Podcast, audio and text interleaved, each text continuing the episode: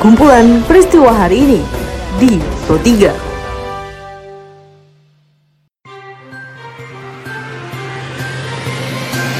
Halo pendengar, selamat berjumpa kembali di podcast Pro 3 RRI dengan kumpulan peristiwa yang terjadi pada hari ini. Seperti biasa, pada podcast kali ini saya akan mengulas isu-isu aktual yang masih hangat atau ramai diperbincangkan di sekitar kita. Tentu saja pendengar nanti akan ada cuplikan informasi dari reporter kami. Bersama saya Karisma Rizky, dengan naskah yang disusun oleh Tika Anantia. Inilah kumpulan peristiwa Pro 3 di ruang dengar podcast Anda. Pendengar sebelum saya masuk ke dalam beberapa isu aktual yang akan saya hadirkan sesaat lagi, saya akan mengundang Anda untuk mampir ke laman berita kami di rri.co.id. Anda juga bisa memfollow dan berkomentar di sosial media kami di Instagram, Twitter, dan Facebook dengan mengetik at RRI Programa 3 di kolom pencarian Anda.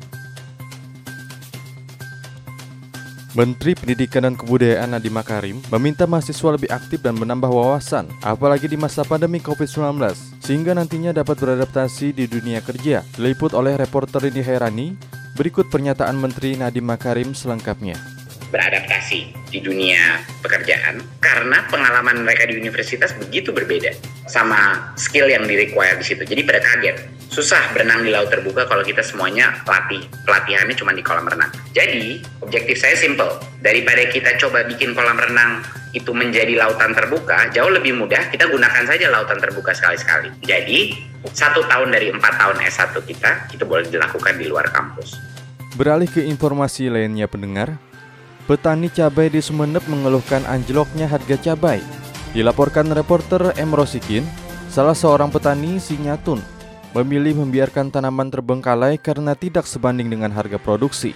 Ya ini Pak, harga cabai sekarang ini cuma dua rupiah.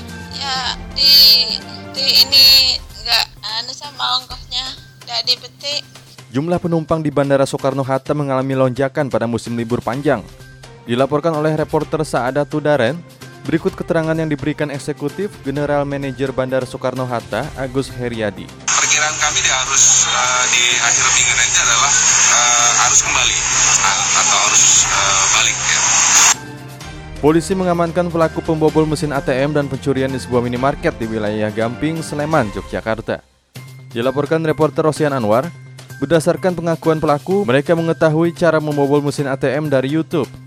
Dan berikut penjelasan Ajun Komisaris Polisi Denny Irwansyah selaku Kasat Reskrim Polres Sleman selengkapnya. Jadi modus operandinya adalah membongkar atap dari Indomaret, membobol ATM yang ada di Indomaret. Kejadian ini bisa diungkap karena adanya laporan masyarakat yang curiga adanya kegiatan berisik sekitar Indomaret sekitar pukul setengah empat pagi. Masih dalam laporan reporter Rosian Anwar, dengar, Pesawat N250 Gatot Kaca karya B.J. Habibie disimpan di Museum Pusat Dirgantara Mandala, Yogyakarta. Karena memiliki nilai sejarah yang tinggi, pihak museum berharap dengan adanya koleksi pesawat N250 akan menumbuhkan rasa nasionalisme di kalangan generasi muda.